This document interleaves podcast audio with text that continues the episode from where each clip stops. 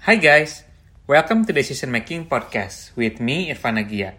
Sebuah podcast tentang bagaimana kita bisa lebih baik dan juga lebih bijak dalam mengambil keputusan dalam kehidupan kita sehari-hari. Dibahas dari berbagai perspektif, terutama keilmuan psikologi dan behavior science. Karena hidup adalah akumulasi dari pilihan-pilihan yang kita ambil. Summary dari setiap episode di podcast ini akan selalu gue share di fitur Insta Stories. Jadi nanti bisa cek aja di Instagram at irfan underscore agia. Nah, di episode ke 76 ini, sekaligus menjadi episode pertama di 2022, kita bakal coba review dan bahas apa aja sih life lessons atau yang bisa kita pelajari di tahun lalu, di tahun 2021 kemarin. Ya, bisa dibilang 2021 itu tahun yang mungkin uh, crazy ya, dan juga memang kita somehow berharap tahun kemarin 2021 itu jadi tahun di mana pandemik itu akhirnya bisa benar-benar hilang. Tapi uh, as we know, we need some more time dan juga hopefully uh, virus ini bisa lebih kontrol ya, lebih controllable this year ya, hopefully di tahun ini.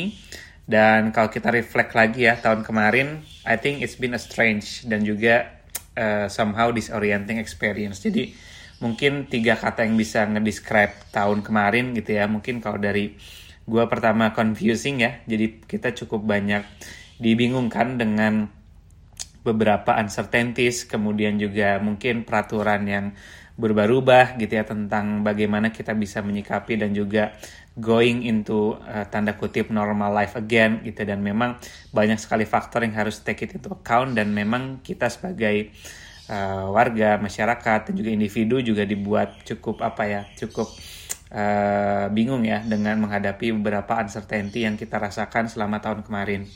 Kemudian kata yang kedua mungkin adapting ya. Jadi walaupun memang circumstancesnya itu banyak yang nggak bisa kita kontrol, kemudian juga regulation atau rules juga berubah-ubah, tapi uh, at some point kita sebagai manusia mulai menunjukkan bahwa kita ini makhluk yang akan selalu mencoba lebih adaptif ya, beradaptasi dengan perubahan-perubahan dan juga uh, kehidupan yang memang uh, sudah bisa dibilang udah berubah ya sebelum pre-pandemic. Ini kita mulai menuju uh, adaptasi lagi uh, perilaku baru, adaptasi juga mindset dan juga ekspektasi kita. So I think we are adapting gitu ya di tahun 2021 kemarin.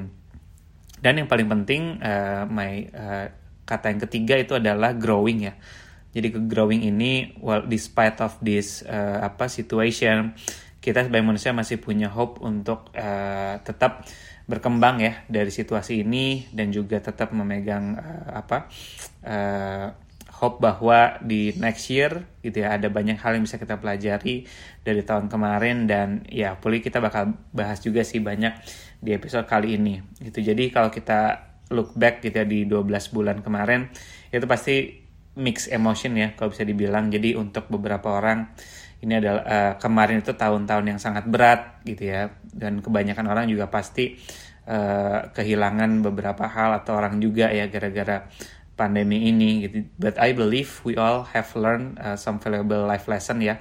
Uh, di 2021 kemarin. Nah, mungkin kalau dari episode ini gue akan coba bahas atau share ada 8 sih ya, 8 life lessons yang gue pribadi rasain dan juga setelah lihat atau baca beberapa artikel dan juga looking back oh ya make sense. I think ini adalah value-value atau lesson yang worth sharing ya ke teman-teman semua.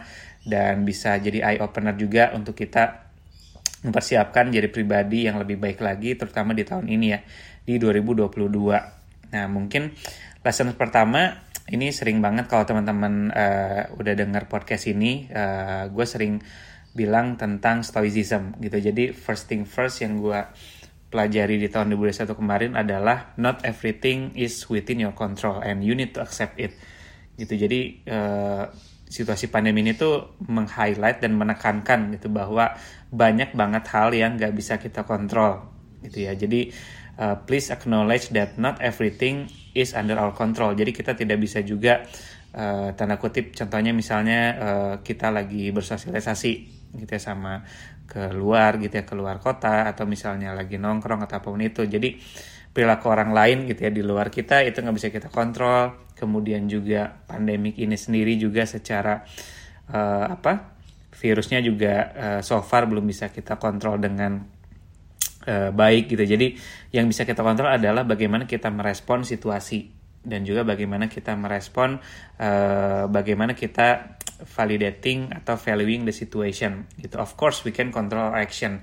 Kayak contoh ya udah dengan kita uh, pakai masker, kemudian menjaga prokes gitu itu it's the minimum thing that we can do. Gitu. Tapi banyak juga di luar uh, itu yang nggak bisa kita kontrol. Kayak contoh misalnya ada lagi mut apa mutasi yang baru gitu ya omikron ini gitu ya. Jadi uh, itu di luar kontrol kita gitu ya. Tapi juga at the same time yang bisa kita kontrol adalah how we respond uh, gitu. Nah, di luar dari pandemi ini juga stoicism juga berlaku banget nih teman-teman gitu ya. Kayak contoh, kita tidak bisa mengontrol judgement orang terhadap kita, nggak bisa mengontrol perilaku orang lain terhadap kita. So, you will be more at peace ketika uh, you know this mindset gitu ya. Dan juga at the end of the day, you can focus only on what you can control gitu. Karena pandemi ini juga mengajarkan kita bahwa life is full of uncertainties gitu. Ya. Jadi we need to adapt and start to navigating it gitu ya dengan mindset ini. So I think this mindset is very important teman-teman.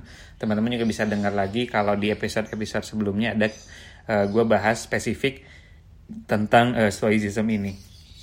Nah yang kedua, life lesson kedua yang uh, gue rasakan juga adalah somehow we take life for granted gitu ya. Banyak banget hal yang kita take for granted dan I think we need to we need to be more grateful about it. Gitu. Jadi uh, pandemi ini juga ngajarin bahwa uh, life is very short gitu ya very fragile gitu. Jadi uh, kita memang tidak tidak bisa taking anything for granted kayak kesehatan kita kemudian mungkin teman-teman yang masih apa uh, bisa ketemu uh, apa orang tua juga gitu ya di rumah bisa kerja di rumah juga punya privilege kemudian apa uh, punya teman-teman yang supporting gitu ya terus punya uh, apa ya makanan dan uh, kebutuhan rumah terpenuhi. So actually there are things that uh, yang kita mungkin ngerasain bahwa ya itu take it for granted. Tapi uh, we need to have more appreciation to those little things in life gitu. Jadi banyak riset juga nunjukin bahwa the more we grateful about something kita itu akan meningkatkan happiness kita mood kita dan juga uh, help to shape our mindset untuk focusing only towards uh, a good things in life. Kayak gitu. Jadi uh, itu mungkin hal yang apa ya privilege juga ya. Uh, we need to acknowledge our privilege and uh, we need to grateful about it gitu ya. Jadi uh, I think it's a powerful uh, mindset to have ya. Ketika kita bisa acknowledge uh, little things yang mungkin sehari-hari kita lakukan kita rasakan gitu ya. Jadi itu membuat kita lebih uh, positif lagi seperti itu Nah, kemudian yang ketiga, nah ini yang menurut gue paling penting juga, gitu, yaitu health is wealth, teman-teman. Jadi kesehatan itu adalah apa ya, harta juga ya, wealth yang memang sulit sekali untuk dibeli, digantikan gitu ya. Tapi sebetulnya untuk nurture that, itu harus kita biasakan ya, gitu untuk kayak contoh misalnya uh, dari segi pola makan gitu kemudian healthnya ini juga nggak cuma physical health tapi juga our mental health or well-being jadi pandemi itu mengajarkan juga bahwa uh, walaupun memang uh, virus ini tuh uh, striking the physical health ya, tapi uh, ini juga akan berdampak ya terhadap sosiokultural gitu kepada mental health kita dalam menghadapi uncertainty ini. Jadi kita perlu memfokuskan untuk mungkin bisa dibilang we need to invest uh, in our health ya gitu. Jadi because uh, seperti yang tadi gue bilang juga health is wealth gitu. Jadi our health our well-being and our uh, our loved ones well-being juga come above all else sebetulnya gitu. Jadi uh, sometimes uh, we need to acknowledge juga bahwa it's okay not to be at our very best gitu ya ketika lagi pandemi kayak gini. And we need to take care of ourselves dan uh, itu adalah modal penting ya teman-teman untuk kita bisa navigating through uh, this life, especially this pandemic karena pandemic ini kan betul-betul kunci utamanya menjaga kesehatan ya. Jadi kalau udah sakit itu baru kerasa mahalnya untuk berobat gitu. Jadi memang uh, every little things, every habit yang kita lakukan, we need to make sure that it actually improve our health, not only physical health tapi juga uh, mental health kita seperti itu. Nah, yang keempat, alasan yang keempat adalah uh, don't compare uh, yourself to others. Ini penting banget. Jadi kalau gue pribadi if we want to compare gitu ya we don't have to compare to uh, someone else tapi you you can compare yourself to your old self gitu ya kalau emang mau ngebandingin kenapa karena ini tuh adalah salah satu apa ya I think one of the toxic trait gitu ya kalau kita selalu mengcompare kehidupan kita dengan orang lain gitu ya kok contoh misal lagi pandemi kok mereka ini tetap bisa produktif gitu ya. Sedangkan uh, eh, gue gini-gini aja misal terus kok mereka bisa kayak gini kok mereka kayak gitu gitu. Dan selalu mengcompare dengan kehidupan kita dan yang gue selalu tekankan adalah uh, actually we don't have uh, the same start ya. Everyone doesn't have the same start teman-teman. Ada yang punya privilege ada yang punya apa kondisi berbeda baik dari segi material ataupun juga uh, support system uh, semua orang tuh berbeda teman-teman. Jadi uh, it's not apple to apple gitu ya, untuk compare our progress gitu ya dengan someone else progress gitu. Jadi uh, I personally think that comparing ourselves to others is very useless gitu ya if we don't use it in the right way sebenarnya. Gitu dan uh, ya tadi yang sempat dibahas juga ya what I like to do instead is I compare myself to myself. Jadi kalaupun mau membandingkan ya udah bandingkan apakah diri kita yang sekarang itu sudah lebih baik dibandingkan diri kita yang dua tahun lalu atau tiga tahun lalu.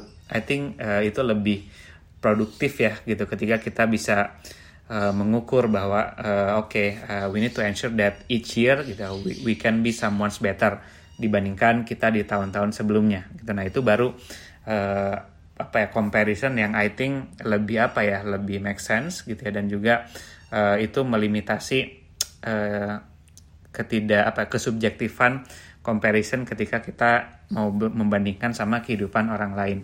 Gitu. Jadi itu mungkin uh, my apa ya my life lesson juga gitu ya selama pandemi gitu. Jadi uh, ketika gue merasa bahwa gue sekarang di posisi yang lebih bagus lebih sehat lebih baik di tahun lalu uh, gue jadi tahu bahwa I'm progressing despite of this uh, craziness ya di tahun 2021 kemarin seperti itu nah yang kelima ini juga yang uh, I think uh, gue juga lagi mencoba ya, lagi mencoba uh, berusaha dan juga mencoba membangun kembali gitu di poin kelima ini adalah we need to build new circle of friendship gitu and nurture the old. Jadi uh, gue juga sempat bahas di beberapa podcast lalu bahwa ada riset gitu ya yang gue baca di artikel Harvard Business Review itu yang nunjukin bahwa selama pandemi ini terjadi tuh the apa ya the social network, social circle itu tuh shrinking teman-teman. Gitu. Jadi kalau tanpa pandemi itu biasanya kalau kita ngukur ya berapa sih jumlah teman kita dari tahun ke tahun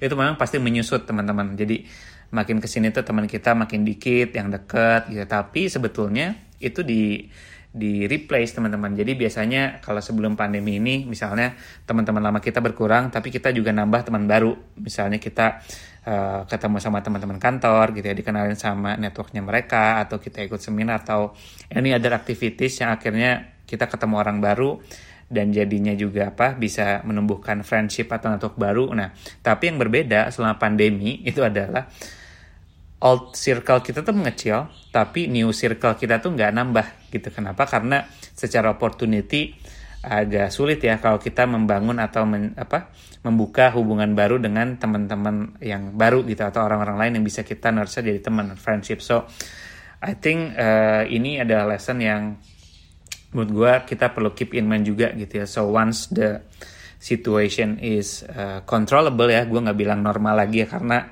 I don't know what's normal anymore gitu ya selama pandemi there's always a new normal in each year. Jadi uh, mungkin istilahnya if the situation is more under control gitu ya kita bisa lebih freely leluasa gitu ya bukan network ketemu teman kantor atau apa aktivitas lain uh, we can try to build new circle juga gitu ya. Karena uh, friendship dan support system ini jadi penting banget gitu ya network ini gitu. Jadi jangan sampai uh, apa setelah pandemi gitu ya, kita tetap tidak membuka diri atau tidak apa uh, membuat network yang baru gitu ya. Karena uh, ketika mungkin jadi lebih sulit ya ketika selama pandemi ini melakukan hal-hal tersebut. Tapi once uh, it's more controllable it's uh, uh, we can we need to have to have it in mind sih ya untuk build a new circle dan juga nurture the old friendship seperti itu teman-teman.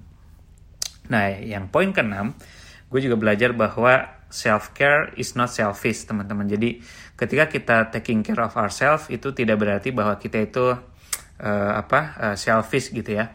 Jadi being good to ourselves uh, actually it's good also to others gitu karena memang pada dasarnya we can, uh, we simply cannot help others kalau kita belum menolong diri kita sendiri dulu gitu ya. Jadi I think dan beberapa data juga ya self care atau apa self love itu juga jadi important buzzword juga di tahun 2021 kemarin seperti itu. Jadi untuk the act of self care ini macam-macam ya teman-teman dan juga sangat uh, uh, personal beda-beda. Ada yang orang ngerasa bahwa ya jalan kaki gitu ya keluar sendiri 30 minutes gitu itu juga bisa dikategorisasikan sebagai self care mereka atau misalnya rewarding yourself untuk makan enak gitu sendiri di restoran atau nonton di bioskop uh, everyone can have their own uh, self care gitu ya. Jadi uh, atau mungkin having a cup of coffee punya waktu sendiri untuk baca buku itu juga bisa gitu ya. Dibandingkan misalnya uh, bersosialisasi atau misalnya looking at your phone itu juga bisa jadi uh, some apa ya some act of self care juga. Jadi whatever it is looking after yourself itu have never been more important selama pandemi ini gitu. Jadi uh, you need to also take care of yourself know yourself better dan itu tadi jangan ngerasa punya guilty feeling ketika you treat yourself gitu uh, good ya. Seperti itu teman-teman. Dan yang ketujuh adalah uh, forgive yourself and be kind to yourself. Ini juga extension dari poin keenam tadi ya tentang self care gitu. Jadi mungkin selama pandemi kita ngerasa punya guilty feeling gitu ya bahwa apa yang kita lakukan itu berdampak buruk sama orang lain gitu ya. Jadi if there's any uh, mistake in our past selama pandemi kemarin gitu ya. Just forgive yourself be kind to yourself gitu ya. karena uh, moving forward gitu ya di tahun 2022 ini, 2022 ini itu bisa menjadi modal awal kita gitu ya untuk uh, apa uh, memaafkan diri kita sendiri gitu ya. Mungkin di tahun sebelumnya ada sesuatu yang kita merasa guilty about it but we need to pick ourselves up gitu ya. Kita harus move on dan juga menjalani tahun ini lebih baik daripada tahun sebelumnya dan uh, life lesson terakhir yang kedelapan yang uh, apa ya ini something yang I try to value uh, the most itu adalah always be kind to others gitu. Jadi selama pandemi itu kita nggak tahu teman-teman gitu ya. Setiap orang itu pasti uh, going through something uh, yang mungkin mereka tuh nggak uh, apa nggak banyak bicara tentang hal itu. Mungkin ada teman kita yang losing uh, their parents misalnya atau they having a hard time misalnya mereka punya bisnis dan impacted banget selama pandemi 2021 dan macam-macam ya kita kita nggak pernah tahu uh, what people are going through gitu ya. Dan mungkin uh, apa maybe they are greatly affected dan maybe feeling isolated juga gitu kan. Jadi uh, I think uh, being kind is is not just a trend of uh, trending buzzword anymore gitu. Ini actually becomes a way of life dan itu tadi you never know when your small act of kindness itu bisa uh, help save someone's life gitu. Jadi just uh, uh, as much as you can gitu ya uh, offer help and be kind to others. Seperti itu teman-teman. Nah itu mungkin 8 life lessons yang uh, ketika gue reflect gitu ya dan juga looking back uh, I think it, it it worth share gitu ya ke teman-teman. Dan juga untuk reminder juga buat kita semua dan